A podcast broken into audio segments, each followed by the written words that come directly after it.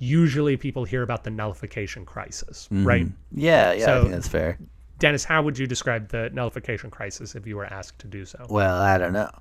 I don't know that one.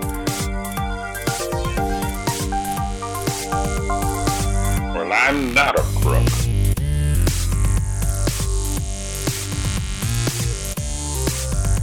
But because they are hard. Welcome to Presidential Deathmatch, the only presidential debates that matter. Today's headlines. The best time to lead the War Department. You say Utica, I say Utica, and whoosh. Today on the program, we discuss still more losers of the presidency in early America with a lot of third parties you've never heard about and don't want to. All that and more on today's Presidential Deathmatch. I mean, you probably do want to hear the history, you just wouldn't want to vote for them. As a reminder, today's episode is part two of our discussion, which was begun last week on the oldest losers in um, the American presidency. Last week, Dennis and I covered all of the losers up until Monroe's reelection. Now we dive into the election of 1824. As Dennis says, uh, we are in the era of good feelings now, but in any struggle of uh, one of two things are will happen. Either the sides will reach an equilibrium, so usually 50%, sometimes it might be more like 66 33, but they'll reach an equilibrium and not really be able to change. Or one idea will eventually dominate the other and destroy it or relegate it to an insignificant position. For instance, early on in America, there was an idea of do we want to be a democracy or do we want to establish an American monarchy? And we very much said we want to establish a democracy. And although those ideas were closer together, you know, let's say 60 40 in the early America, eventually democracy takes hold. And there are very few people advocating for an American monarchy currently. So that's an example of an idea being relegated uh, or entirely destroyed. In our pol party politics, our first past the polls voting system, we are incentivized to divide the populace roughly in half and so earn power in a tug of war esque fashion. So if we can figure out a, an issue that has basically 50% support on both sides, we can do well. But if the people overwhelmingly side with one issue, then that idea essentially gets absorbed and new parties form. So you can see this, uh, Dennis, in sort of the Reagan era economic policies of the 80s, where previous to Reagan, the Democrats and the Republicans have different economic policies.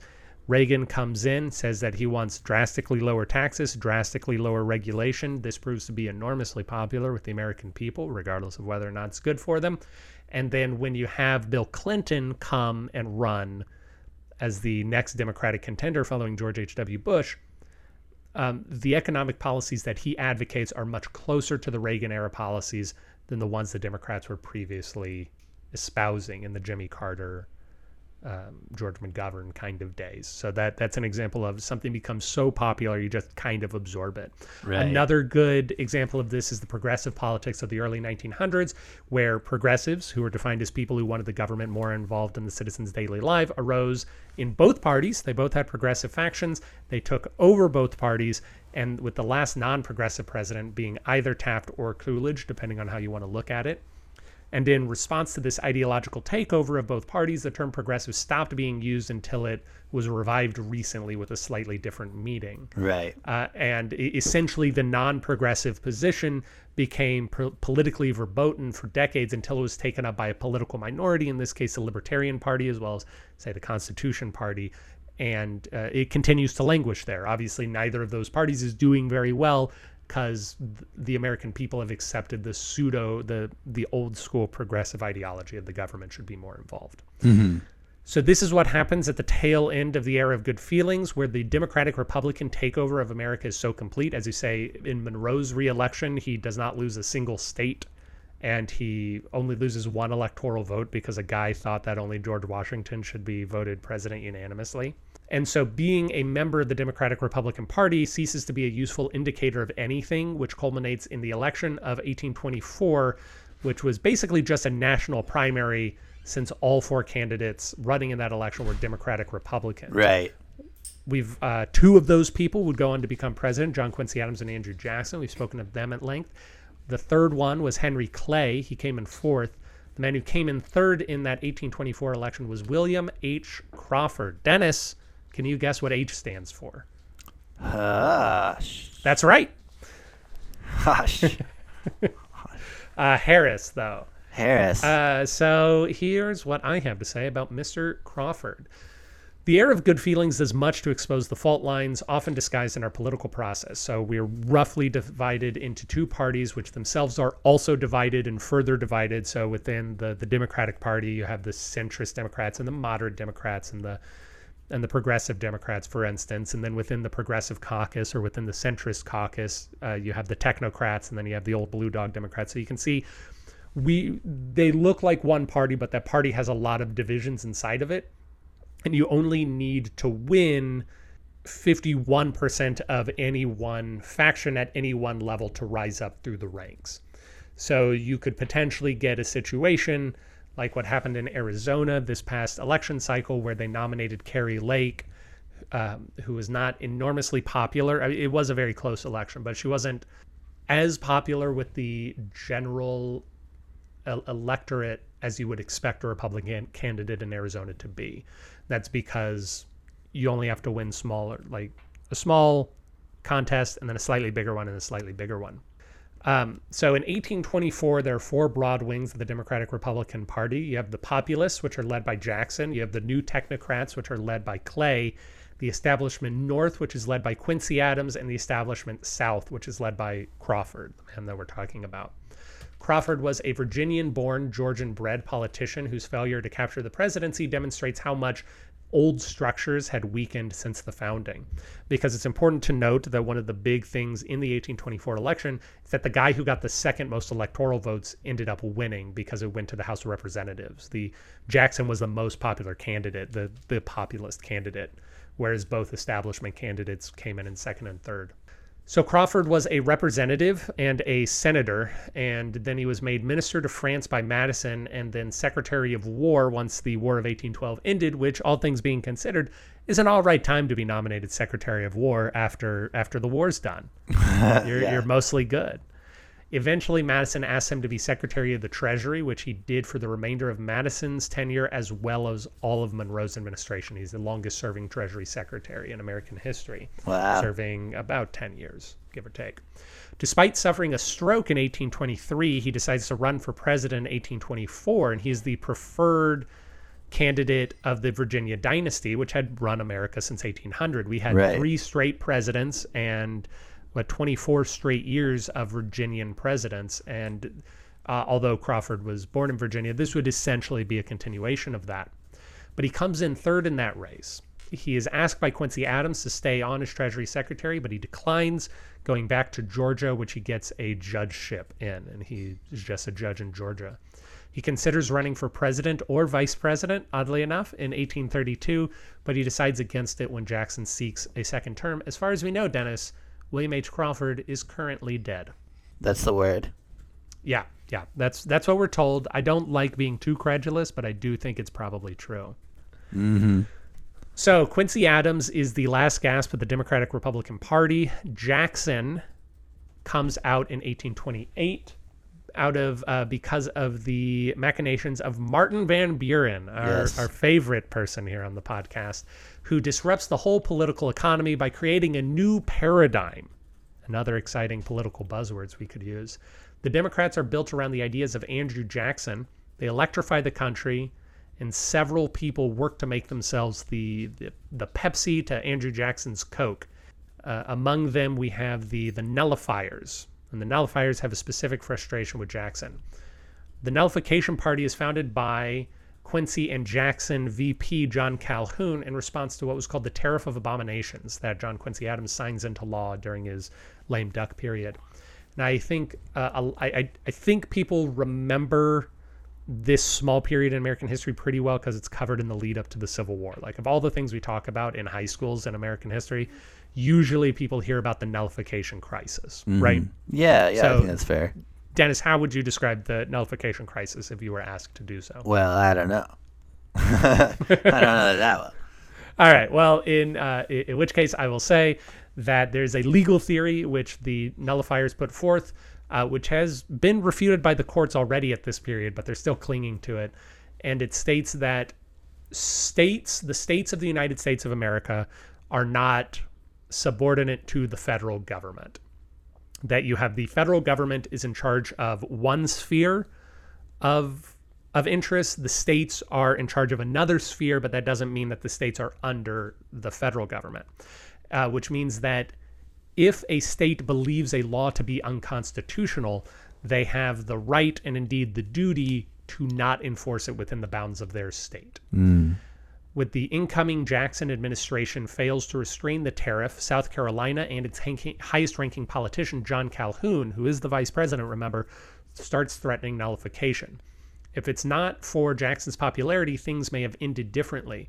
But Jackson claims that states could not nullify laws. He gets Congress to pass a law allowing him to use military force against South Carolina. And then he simultaneously negotiates a different tariff rate, which is slightly more favorable to the South. Everybody kind of backs off and everybody claims victory. Jackson says, Look, South Carolina didn't nullify anything. South Carolina says, Look, we threatened this thing and we got something done.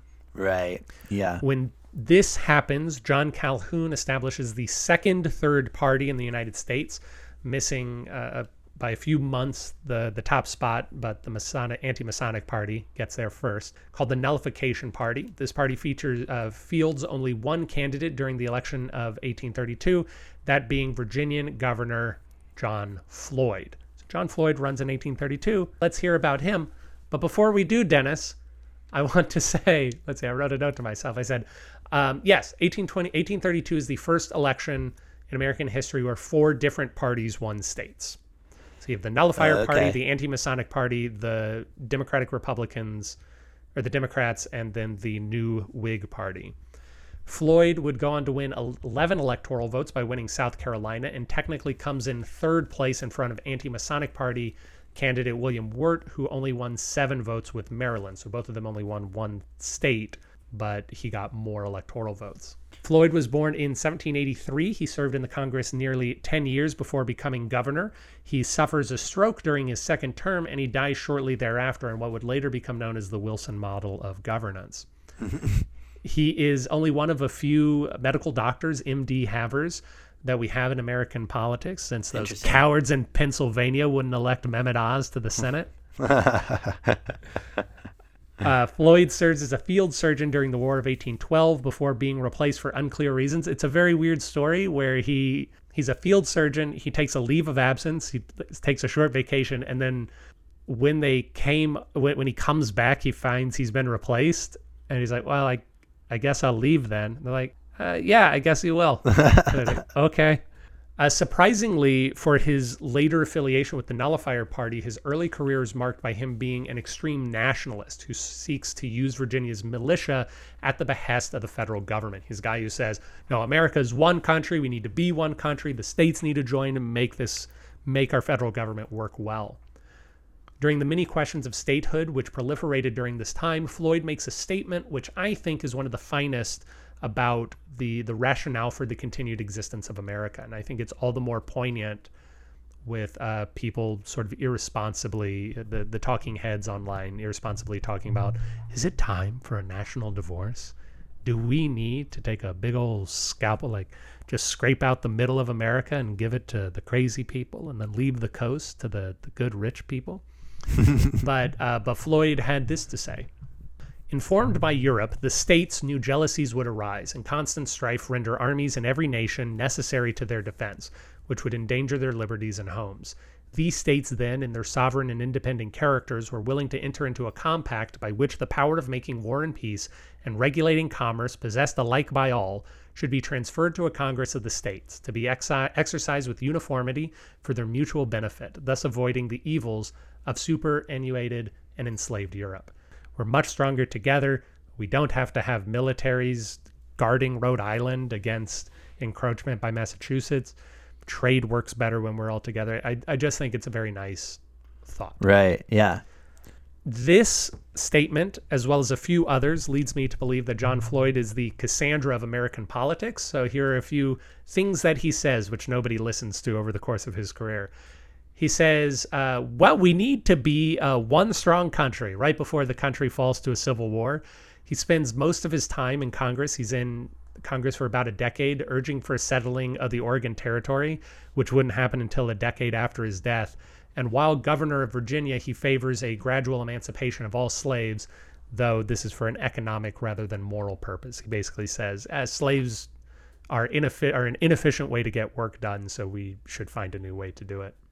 Uh, also, he spent he spends a lot of time trying to dunk on Quincy Adams. Like he's just writing scathing reviews of Quincy Adams during the entire time.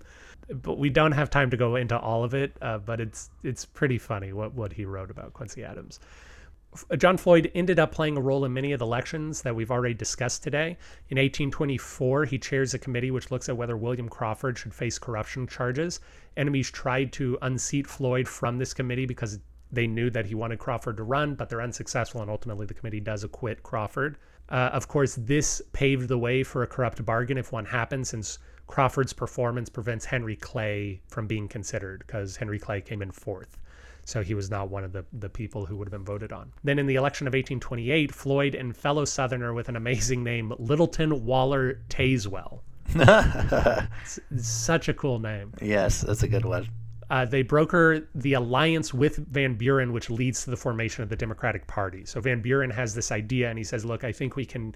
I'm from New York. Y'all are from the South. I think that if we accept these policies, we can get the North excited and the South excited." And John Floyd and uh, Tazewell are the two guys who says, "Yeah, we think this can work."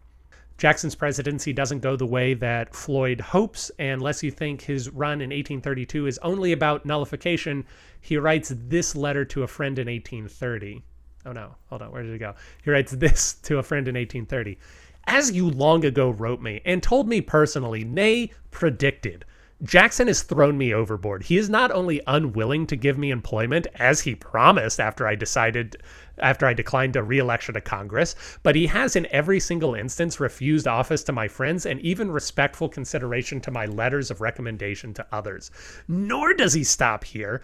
I am, at this moment, enduring the whole weight of the opposition to him, his friends, and the power and patronage of his government to break down myself and my friends in Virginia.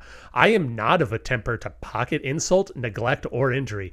I have, my dear friend, determined on my course. I can be as silent and patient as any of my aboriginal ancestors, and like them, I feel that vengeance would be sweet. But when the day of retribution shall come, it will be marked by the effects of the tomahawk. Oh, dang. Yeah. Oh, and speaking to like, set like there. Then he was was he speaking to the Trail of Tears and stuff? No, not quite yet. Although uh, interesting that you bring that up because um, the last guy I'm going to talk about, or the second to last guy I'm going to talk about, does have some Trail of Tears stuff. Um, this is before Trail of Tears begins Mm-hmm. in 1830. Um, so J John Floyd is governor of Virginia. Uh, his time in Virginia is marked by rapid economic improvement, although a lot of it is spent in battle with Jackson, uh, leading some truth, lending some truth to what Quincy Adams says about Floyd in a letter to somebody. Quincy Adams says Floyd is a flaunting canvasser seeking to win prestige by vigorous opposition to the party in power. Interesting. It's it, it- Jackson really changed everything. Yeah, for sure. He brings the idea of sort of the regular person voting for president or or engaging with uh, with politics. He brings the idea of not moneyed interests controlling everything, which we still have trouble with today.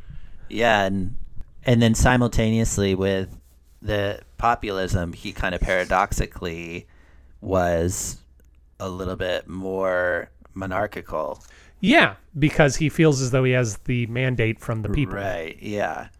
Uh, so it in that way, I feel like it it caused that's what caused these new parties to form and everything was there was some people with opposition to populism, and then there was mm-hmm. some people with opposition to him saying he was a Democrat, and then becoming so central government focused. Yeah, I I didn't include this quote, but there are several letters that John Floyd writes where he refers to him as King Jackson.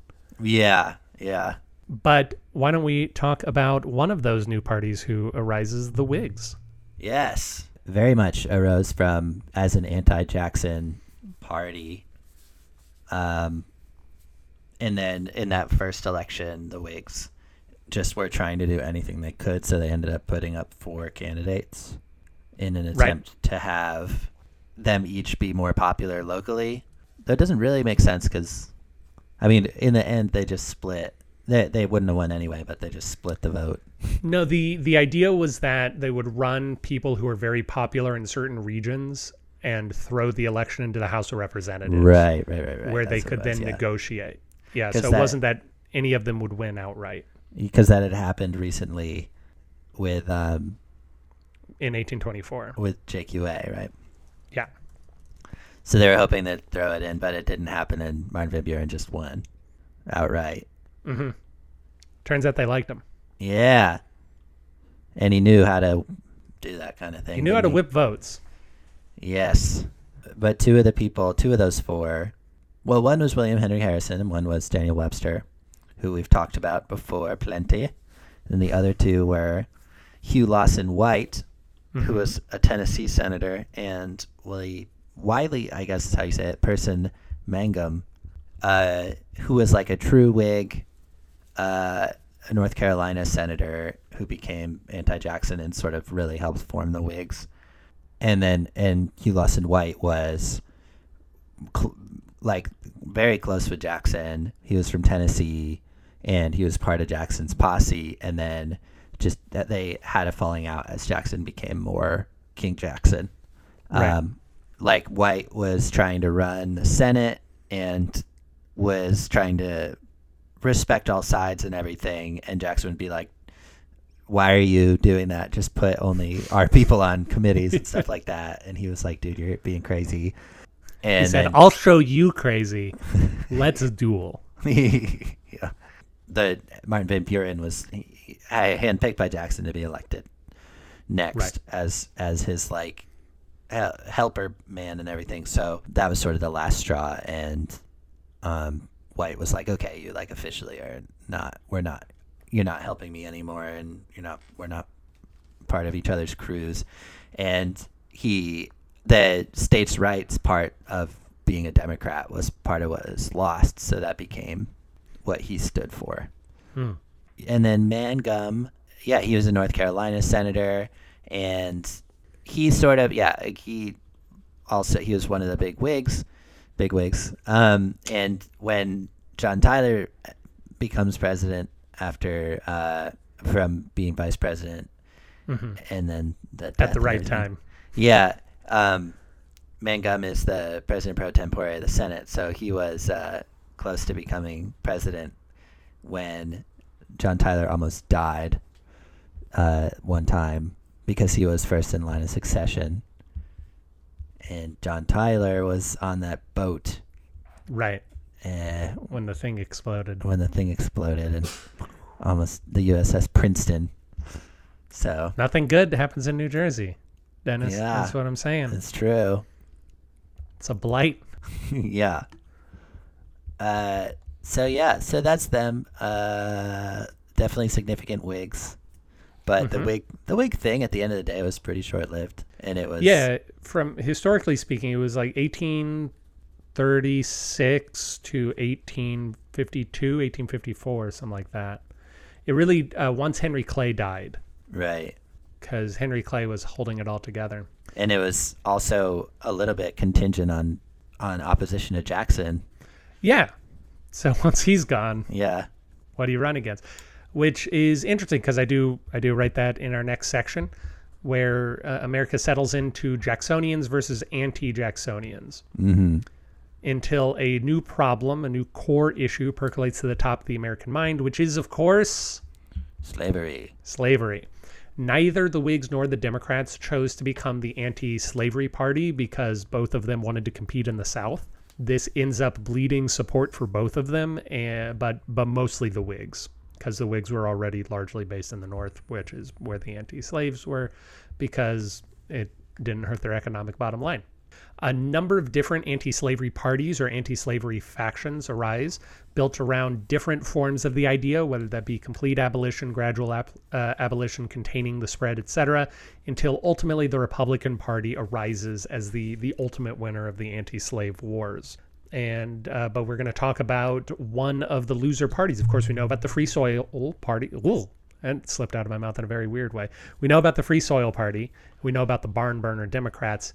Here is the Liberty Party, and we've spoken about the Liberty Party very briefly, but they were founded by this guy named Gerrit Smith. He he first runs in 1848 he's going to end up running for president three times. He's a businessman and social reformer with a mediocre political success rate. And at the time of his of him being alive dennis he was the richest man in new york state. Wow. uh, he was not only the richest man in new york state uh, I, it's later on in my notes but i believe in 1846 there was a list of all of the properties that he was selling not not keeping, not all the properties he owned, just all the properties he was selling. and that was 45 pages long. Oh my goodness. He, at one point, owned more total land in New York than the area of Rhode Island, Wow. which is about twice as much as Houston. So, about twice the size of Houston he, he owned. And because of his great wealth and his great interest in the abolition and anti slavery space, uh, Portsboro, that's not right. Peterboro, Peterboro, New York, where he lived, came the center of the American abolition movement because people would come to him to get funded, basically. Interesting. Yeah, I wrote a joke that I'm not going to be able to deliver well, so I'm just going to say it in a very dry fashion, which was to that Gerrit Smith was the first effective altruist kind of guy. He doesn't he doesn't actually do a ton in his life, but he pays a lot of people to get things done that we would consider good things. So uh, let's briefly talk about the Liberty Party some more before we talk about Gerrit Smith some more. So it's important to note how we use the word radical in a political context. In fraught context, it's often used to paint the the radical, the person who's labeled that, as too far off from the mainstream opinion, as someone who's too dangerous. But a more sedate use of the term, a more regular use of the term, and the one that I'm going to use when I talk about Gerrit Smith is just to describe someone who wants to quickly change the system that we're living under. He doesn't want gradual change, he wants immediate change. And so we call him a radical. Right. So when I say the Liberty Party of the 1840s was a radical abolitionist party, I don't mean to say that their aims are not my aims, that I don't agree with what they wanted to do, uh, but they wanted to take extreme, uh, arguably impractical means to get there. They ultimately lose to the far more moderate Republican Party, which ostensibly stands not for abolition, although they do end up doing abolition. They technically stand for the containment of slavery to the territories in which it already exists. Whereas the Liberty Party wants immediate emancipation of all slaves with no compensation for slave owners. The Liberty Party breaks away from the even more radical American Anti Slavery Society, which is a group that was founded by Christian minister William Lloyd Garrison. He believed that slavery should be ended immediately, but he also believed that the American government was invalid because of the fact that it allowed slavery and that participation with the government was evil in and of itself. So he didn't like voting, he, he wanted to just wreck house, basically. The Liberty Party, which Gerrit Smith founds, takes the view that the Constitution is in and of itself an anti slavery document, and that if the Constitution is an anti slavery document, that means slavery is already illegal. So that's the legal theory that this party is built around that slavery is already a concept it just shouldn't exist by the laws of the United States and so it needs Right. to end. So Yeah. they refuse to work with the more moderate Free Soil Party. They're eventually dead by the time the Republicans come around. Dennis, one of your favorites, Salmon P. Chase, was Yeah. an early Liberty Party guy. Makes sense. Yeah. So back to Gerrit Smith. He's born in Utica, New York before it becomes Utica, New York. Mm, I don't know. Yeah, uh, but but he's born in Utica before it's actually named that. Uh, and he he was makes Utica at the time. Indeed, uh, he makes his money. Um, it is actually very clever the the way that he ends up being the richest man in New York. Dennis, he's born to uh, wealthy parents. Ah, Yeah, uh, and he really capitalizes on that from an early age to to kind of build a nest egg for himself. it's not common in New York. no, no, God, no. Uh, but his father is an enormously wealthy landholder and fur trader, and in the 1830s, his father gives Gerrit the business. Landholder. Yeah. Uh, Gerrit Smith is described by a person I assume wants money from him as he as he might have served as a model for a Greek god in the days when men deified beauty and worshipped it. it's funny looking at this picture of him. You're looking at the old picture of him, right? Like when he's super old. The big bushy beard. Yes. Uh, although if you look up a, a picture of him when he's young, I see. he yeah he, he does have a certain quality about him. Another contemporary describes Gerrit Smith as an extemporaneous speaker and debater. We do not hesitate to place him in the first class. Here his eloquence is the growth of the hour and the occasion. He warms with the subject especially if opposed until at the climax his heavy voice rolling forth in ponderous volume and his large frame quivering in every muscle he stands like jupiter thundering and shaking with his thunderbolts his throne itself. Uh, the man the man who know uh, who wrote that statement about Gerrit Smith uh, definitely knew Gerrit Smith very well since it was Gerrit Smith who wrote that in his autobiography. oh my goodness. Uh, before he found abolitionism, he advocated the temperance movement and he builds one of the first temperance hotels. I don't know what that is. I don't know if it's like a sanitarium or it is literally just a hotel where you can't drink. But the, the hotel fails commercially and civically as the locals hated it for reasons not recorded to history, which is where I say to everyone and also to Jason Jonathan Rivas, an actual historian, people never write down the stuff that you want them to. They wrote down the sentence, the locals didn't like the Temperance Hotel, but they didn't say why. Is it because the visitors were very boring? Is it because they were loud? Was the hotel gaudy? I want to know. And I never will. Yeah.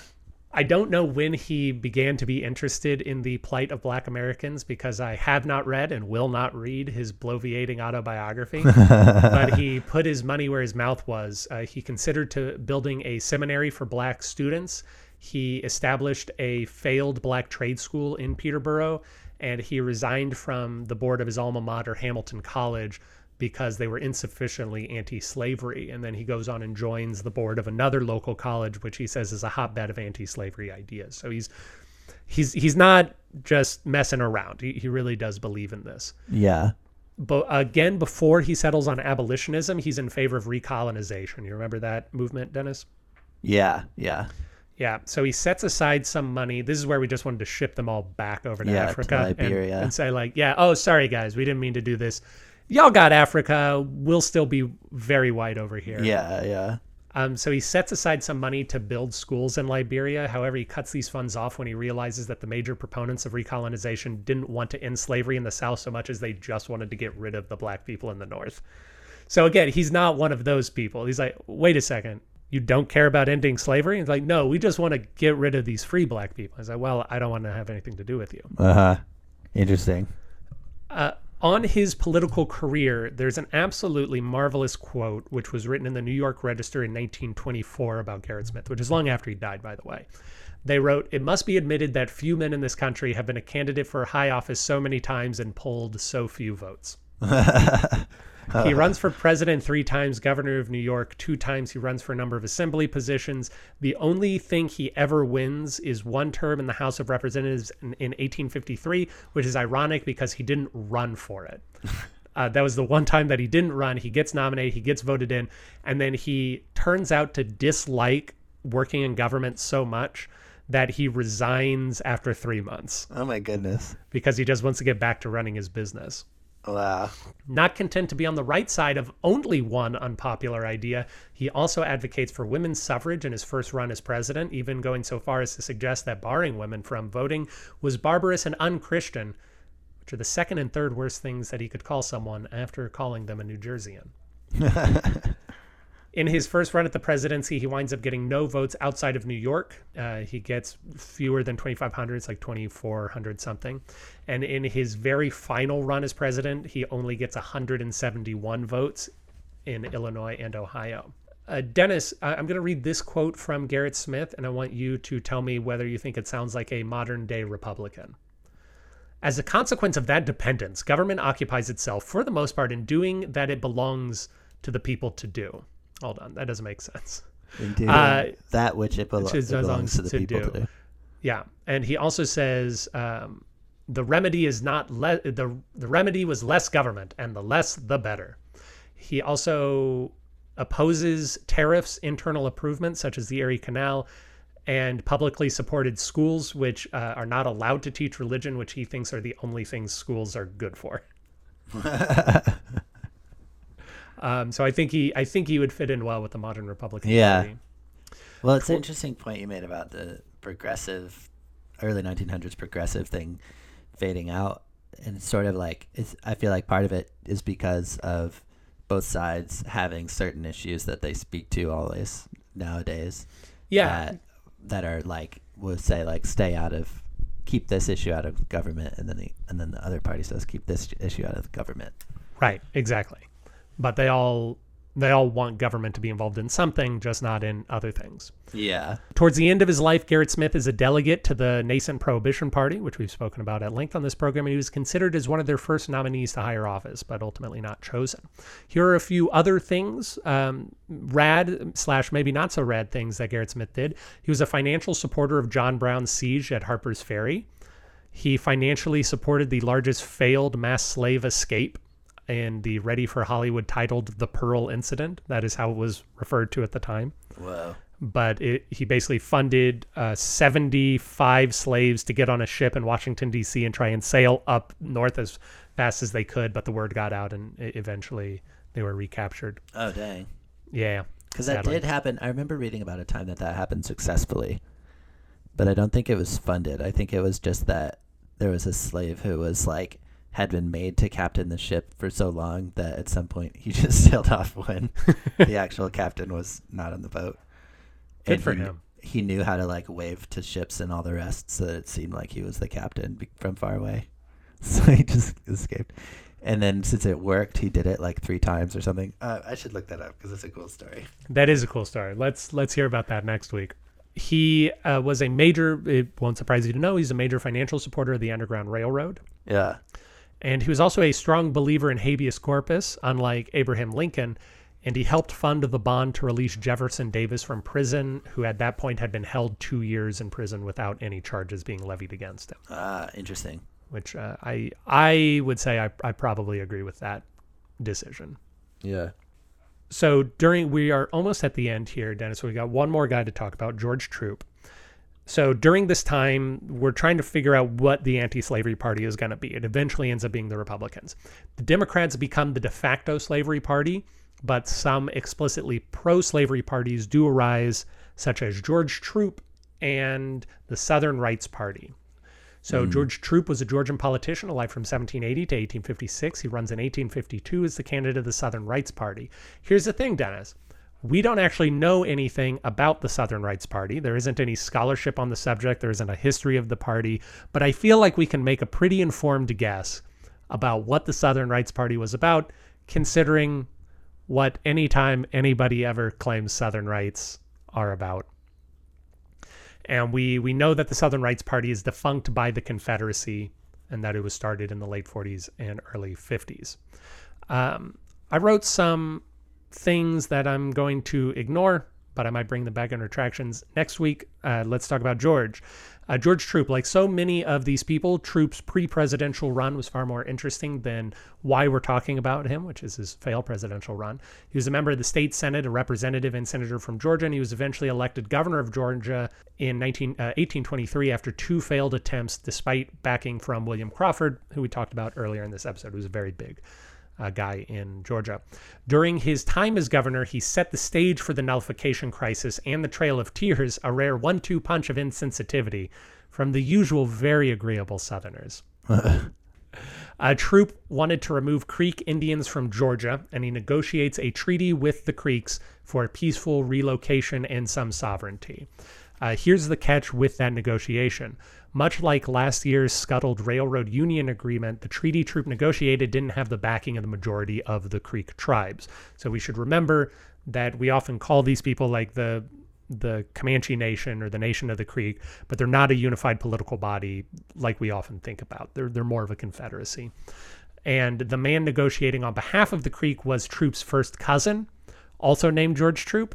So there may have been a conflict of interest. But but he negotiates this treaty, and the treaty did exist. It wasn't like twisting someone's arm. There isn't evidence that he's trying to screw them out of anything. It's just You probably had a person who wasn't negotiating as hard as he could, and ultimately the treaty isn't ratified by all of the people that the treaty represents. Simultaneously with this, John Quincy Adams, who was the president at the time, negotiates a more generous treaty with more land with the Creeks directly, which they agree to, and he orders Troup to respect that negotiation. Troup refuses and starts forcibly removing Creek from the disputed area, the area that he negotiated away from the Creek. John Quincy gave back to the Creek in their negotiation. John Quincy Adams threatens force, but he eventually backs down, and the terms of the original treaty are enforced until Georgia and Jackson changed their minds six years later and made them all go to Oklahoma uh, in in something which I'm sure won't be national shame forever. yeah. Uh, while in office, George Troup has the distinction of being reelected in Georgia's first popular vote. I didn't find what they were doing before that, but I assume the the state legislature chose the governor and he supported public education while in office as well as canals. Canals keep just coming up in early American history. That's George Troup. Following the Civil War, the slavery question was put to legal rest, although various issues relating to slavery would continue to vex forever, perhaps. Pretty much. Unlike the Anti Federalists, who we learned about at the very beginning of today's episode, the Republicans don't dissolve or become irrelevant once their founding purpose was completed. Partially, this is over lingering resentment over the Civil War. Both parties would continue until the present day, finding new primary issues to divide the populace and get their vote. Take a look at some of these questions, why they created third parties, and why those third parties eventually got absorbed back into one of the two major parties on next week's episode. Dun, dun, dun, dun. Uh, but before we go, Dennis, um, of all of the people that you looked at today and all of the people, all the Whigs and Democratic Republicans and Federalists that you can remember from our conversations, are there any of them that you wish had become president where the the election had swung the other way? Um, no, I think so. For me, the the the Helas and White and Mangum are both kind of like, uh, like I didn't talk too much about it, but at the end of the day, they're they're not people that I agree with. Okay. Um, they're just you know Southern. Yeah, I don't think you need to say anymore. Yeah. um, Rufus King seems like a cool dude. Uh, but he, you know, at the time that he was actually running for president, it was against Monroe, and I, and Monroe's one of, I think, one of my favorite favorite dudes. Yeah, Monroe's great. Yeah. Um, so yes, I don't, I don't wish differently there. Right. And Samuel Huntington was against George Washington. So again, it's like Right. So that one's tough. Yeah. what about you? I think maybe DeWitt Clinton against Madison. That's that's uh yeah, that's a good one. that that would be one just because I I don't love Madison as a president. I love Madison uh, as a pre-president, but not necessarily as as a president. And you can see it setting a precedent for presidents of of war not necessarily meaning Yeah, which would be great. yeah, That'd that be nice. been interesting to see if that had an effect on obviously that's an impossible thing to know, but Yeah, until we can peer into other universes, and then I I'd be interested in maybe exploring the the thought of whether Thomas Jefferson losing re-election would have been good, because the economy really takes a nosedive, and and I don't know that he did that many important things in his last four years. Louisiana Purchase happens in 1803, so that's before his reelection, and, and other things. But I don't know that I'd want Charles Pinckney as the guy, a guy who's even more uh, slave pro-slave than Jefferson is, because the one thing Jefferson does do in his second uh, term is he abolishes the Atlantic slave trade in 1808. So never mind. Basically, DeWitt Clinton. Uh, but but we we may end up separating this episode into two because it went kind of long again. Dennis and I just love to talk. a lot of people talk about. Jamie, everyone's talking about Jamie. talk to you next week, Dennis. Indeed. Bye.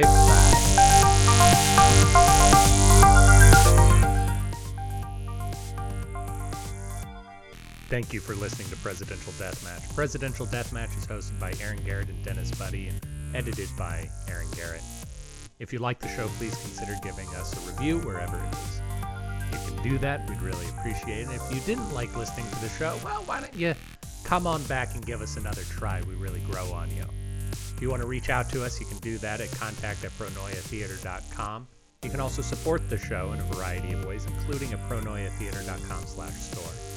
We hope you enjoyed it, and we hope to hear from you soon.